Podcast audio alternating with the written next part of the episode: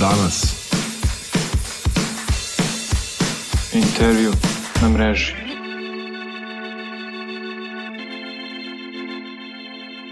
E, dobar dan, ovo je novi intervju na mreži Lista danas sa Kristinom Cvejanov iz Green Loopa. Danas ćete moći da je pitate sve što vas zanima u vezi sa odlaganjem e, otpada, reciklažom, pre svega električnog i elektronskog otpada, budući da je danas od ove jeseni u kampanji podizanja svesti o njegovoj štetnosti i potrebi da se ova oblast bolje organizuje i reguliše. Još ću reći da je u toku prikupljanje starih uređaja koje je organizovao danas. Ako imate neki stari telefon, punjač, slušalice, istrošene baterije, možete ih doneti na neku od četiri lokacije gde smo organizovali prikupljanje. To su restoran Lovac u ulici Aleksa Nenadovića, kafe bar 16 u Cetinskoj ulici i Delfi knjižare SKC i u galeriji Beokret. Tamo će vas čekati kutije u kojoj možete odložiti svoje uređaje i na njima je ispisan kod za članstvo u klubu čitalaca danasa za svega 100 dinara umesto za 799 što je regularna cena i to se odnosi na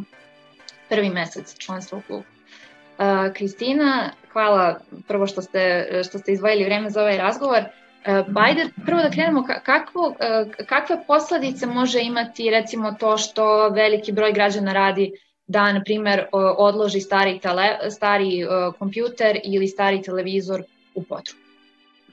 Hvala vama na pozivu ja moram da priznam da mi je ovo zaista jedan onako jako drag format koji jako podsjeća na uh, onu čuvenu dragu savetu koju smo nekad imali prilike da čitamo u raznim magazinima i zapravo za temu u kojoj danas pričamo u suštini postoji potreba da na ovakav način negde uh, komuniciramo razne pitanja koje građani imaju jer nažalost ne postoje uh, potpuno jasne instrukcije, niti, ajde da kažem, adrese na koje znamo gde treba da se obratimo kada hoćemo da nešto od otpada koji imamo u svom domaćinstvu recikliramo.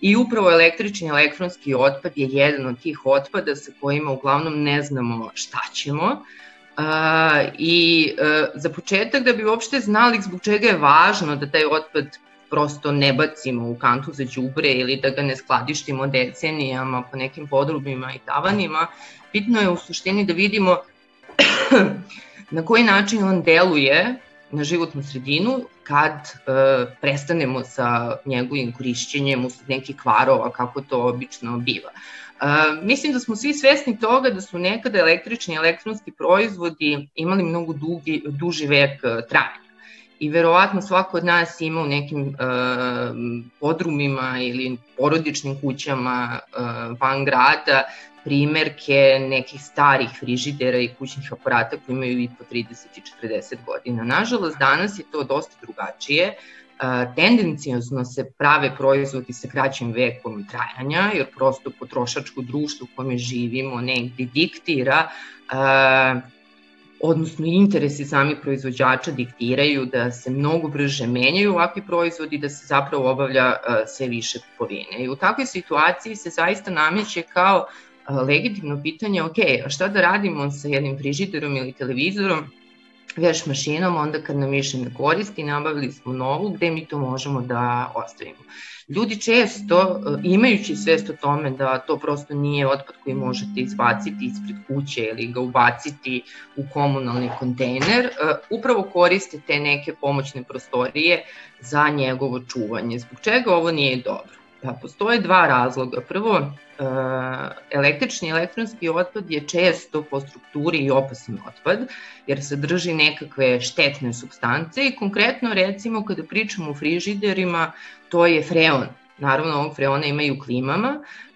Ovo je štetni gaz koji kada držimo jedan pokvareni uređaj dugo u nekom prostoru, vremenom naravno počnu da popuštaju materijali od kojih su i proizvodi napravljeni, može da dođe do curenja onoga što jeste štetan sastojak samog uređaja. Tako da je mnogo bezbednije zapravo ovaj ovakav uređaj negde predati na reciklažu. Drugi razlog zbog čega je jako važno i jako dobro da e, to radimo jeste u suštini što je reciklaža danas neka vrsta modernog rudarenja. Za svim onim materijalima koji se nalaze u samim e, električnim i elektronskim uh, uređajima. Postoji naravno velika potražnja na tržištu kad su u pitanju i sirovine od kojih se oni dobijaju. Daću jedan mislim, slikovit primer koji je aktualno u Srbiji, konkretno recimo baterije, koje takođe spadaju u kategoriju posebnih tokova otpada i jako često su kad pričamo o kućnim kućnom otpadu deo otpada iz domaćinstva, sadrže litijum. Neke su procene da će do 2030. godine 11 miliona tona litijuma iz baterija biti zapravo bačeno na deponije. U isto vreme mi otvaramo rudnike litijuma i ovo konkretno jeste tema u Srbiji vezano za najavljenu investiciju Rio Tinta i pričamo o tome kako su nam neophodni ovi materijali da bi prosto mogli da ispratimo nekakve tehnološke trendove. Zato je reciklaža moderno rudarenje. Time što ćemo naše kućne aparate predati na reciklažu, mi zapravo smanjujemo potrebu korišćenja prirodnih resursa, ekstrakcije ovih sirovina iz okruženja i samim tim devastacije koja uvek nastaje kao posledica bilo kakvog rudarskog procesa ili procesa korišćenja prirodnih resursa. U isto vreme reciklaža smanjuje korišćenje energije koju takođe dobijamo, nažalost, uglavnom iz resursa koji su štetni. Prvenstveno u Srbiji mi pričamo, kad pričamo o dobijanju električne energije, o korišćenju energije iz uglja, što vidimo i sami ostavlja ozbiljne štetne posledice na životnu sredinu. Dakle, postoji više razloga zbog čega nije dobro da električni i elektronski otpad ili bacamo na deponije ili čuvamo neograničeno, nego je zapravo najbolje rešenje napraviti taj put od našeg domaćinstva do fabrike u kojoj će on biti recikliran i sve ono što ima upotrebnu vrednost ponovo iskorišćeno. Ste pomenuli baterije, gde završavaju naše baterije? A, naše baterije, nažalost, završavaju tamo gde im nije mesto, a to su uglavnom deponije i to nesanitarne deponije. U Srbiji je samo 25% komunalnog otpada odloženo na sanitarne deponije kojih ima 10. Kada pričamo o sanitarnim deponijama, to su zapravo odlagalište koje imaju sprovedene mere zaštite životne sredine, Deponije koje uglavnom u Srbiji postoje spadaju u kategoriji nesanitarnih deponija, takve su zabranjene u Evropskoj uniji i uglavnom otpad iz naših domaćinstva bukvalno završi na nečemu što je livada, a zovemo deponijom, a samim tim sadržaj iz e, ne samo baterija, nego bilo čega što odložimo, bez bilo kakve fizičke prepreke curi ulazi u zemljište i zagađuje kroz podzemne vode mnogo širu teritoriju nego uh, ona na koje je samo odlagalište. Naravno, na ovaj način štetne materije ulaze i u lanac ishrane, ne samo životinja, već i čoveka, kroz uh, faktički sve one poljoprivredne kulture koje se nalazi i gaje u blizini deponija. Baterije su jedan zaista veliki problem u Srbiji i tu imamo situaciju da je pre skoro više od 10 godina kada je usvojen set takozvanih zelenih zakona kojim je negde postavljen temelj za razvoj reciklaže, došlo do jedne greške. Ja volim da to nazovem u šali greške u prepisivanju, zato što je činjenica da većinu naših ekoločiških zakona smo zapravo prepisivali, što je negde i normalno i očekivano i nismo jedini koji to rade, od država koje su e, ovakve zakone i standarde uvele pre. Međutim, e, ono te je negde nastao problem, ideja sa kojom se uvodio zakon jeste da se jako brzo kroz primenu otklone sve nepravilnosti i nedostaci, jer kad radite nešto prvi put, čak i ako prepisujete od najboljih đaka, nije to uvek primenjivo, jer države i situacije nisu iste, i da se faktički jako brzo menjaju sve sporne spornje odredbe kako bi se sam sistem, kako mi to kažemo, otpadu zategao i učinio funkcionalnim. Kad pričamo o baterijama, to se nije desilo. Naš regulatorni okvir je predvideo, kao i svaki drugi regulatorni okvir koji tretira električni i elektronski otpad i baterije, da faktički proizvođači plaćaju naknadu koja je nek vrste ekološke takse. Ova vrsta otpada uglavnom nije reciklaž, reciklabilna na komercijalnim osnovama. Šta to znači? To znači da vi uzmete neki otpad, preradite ga i imate veći trošak nego zaradu kada to predate dalje nekome ili upotrebite za nešto drugo kao novi proizvod. Znači, postoji minus u poslovanju koji se onda pokriva naknadama koje plaćaju sami proizvođači ili uvoznici otpada.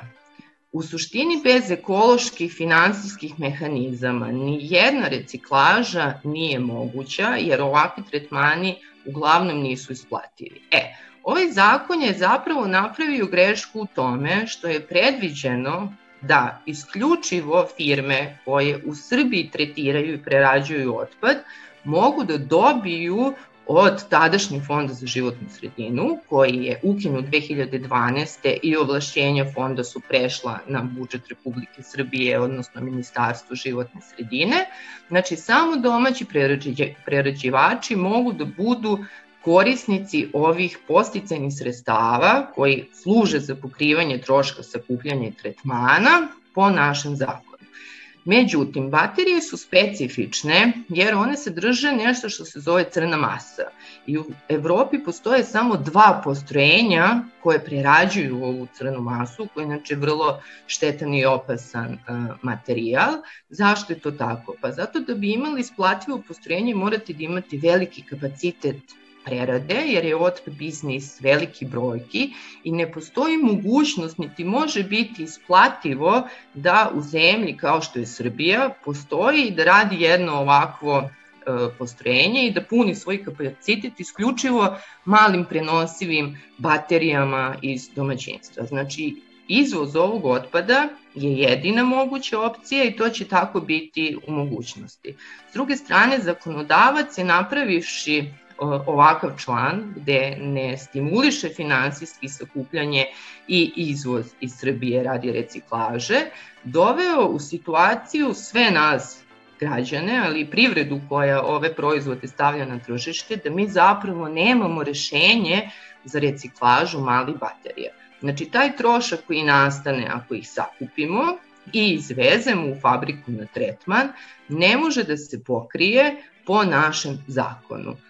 I to je definitivno primećeno na samom početku sistema, međutim nije pokrenuta inicijativa da se zakon izmeni, da se ovaj član promeni u smislu da se dozvoli pokrivanje troška i onima koji baterije uh, i izvoze. I došli smo posle više deset godina situaciju da faktički ne možemo da primenimo ono što su bile namere države Srbije, a to je da napravi efikasan sistem sakupljanja električnog i elektronskog otpada e, i baterija, prvenstveno onih u domaćinstvu. Drugačija je situacija sa industrijskim baterijama i akumulatorima.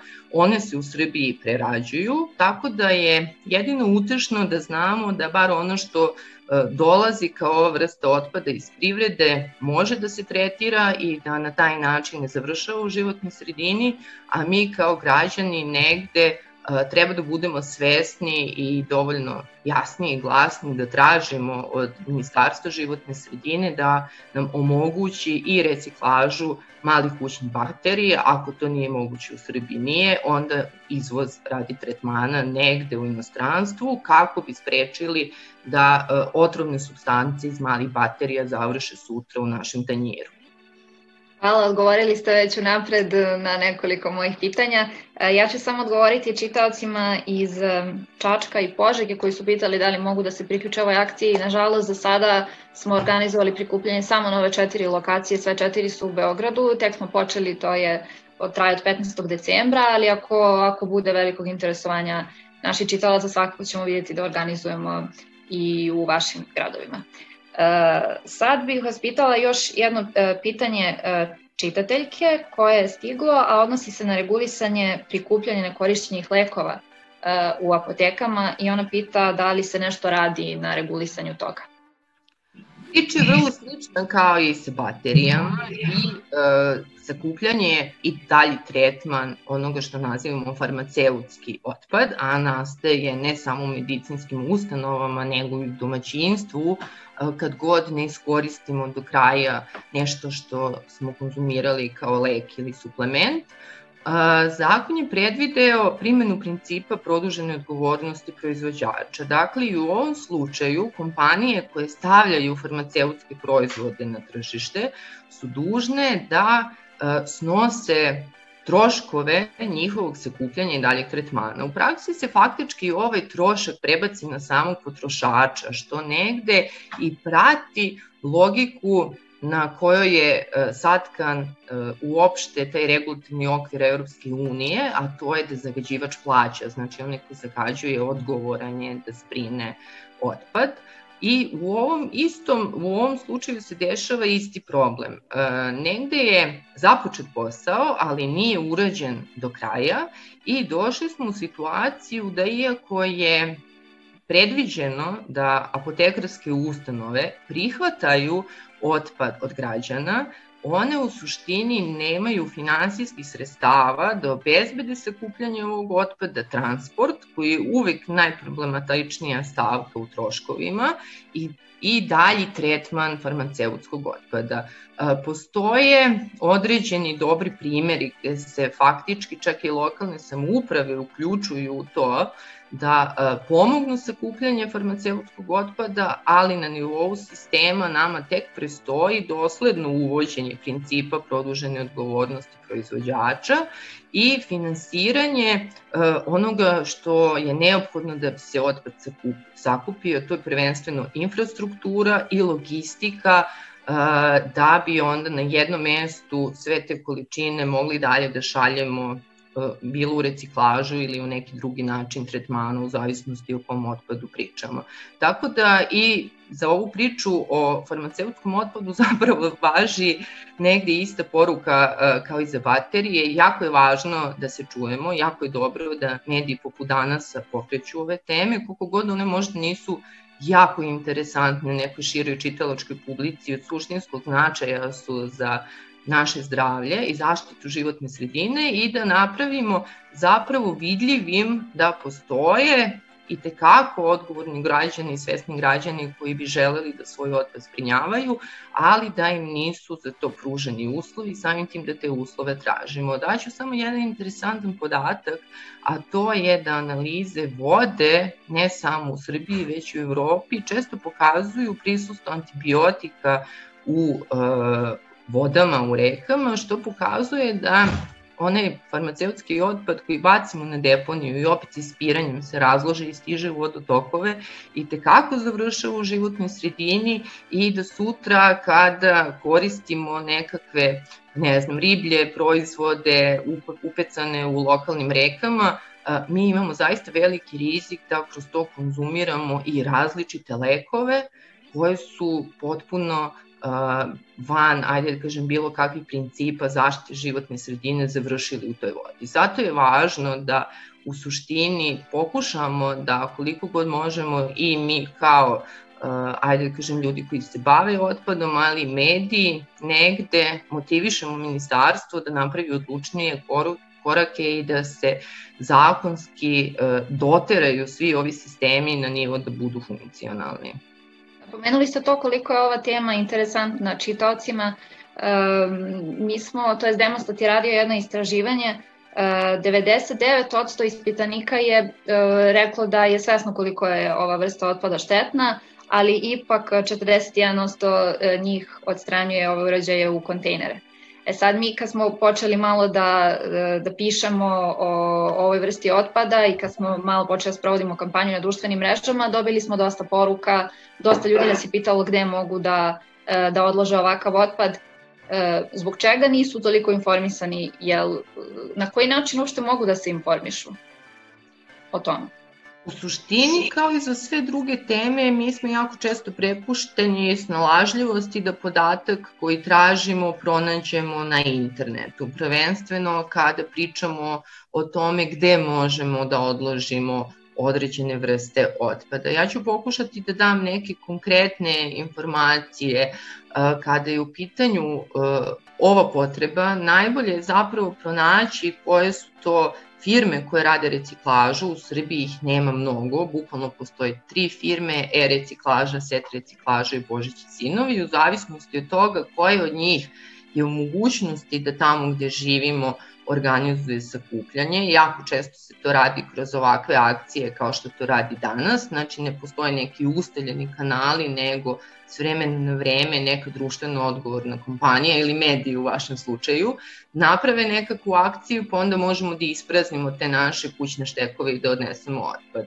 A, takođe postoje i trgovinski lanci koji su prihvatili na sebe obavezu da snose troškove sakupljanja reciklaža baterije. Koliko ja znam to rade Lidl, Deleuze, DM, tako da u principu ne postoji jedna lokacija gde možete dobiti relevantne informacije ali ako pratite ekološke grupe na Facebooku ili one grupe koje se bave otpadom ili ima i takvih sajtova, sigurno ste negde uh, u prilici da ako ništa pitate nekoga ko zna i da dobijete odgovor koji vam je potreban. Na kraju krajeva ono što ja negde uvek preporučujem, po našoj strategiji upravljanja otpadom, a i samom zakonu, predviđeno je da komunalna preduzeća na teritoriji svake lokalne samouprave organizuju reciklažna dvorišta u koje građani mogu da donesu svoje velike i male kućne aparate. Nažalost, ovo nije sprovedeno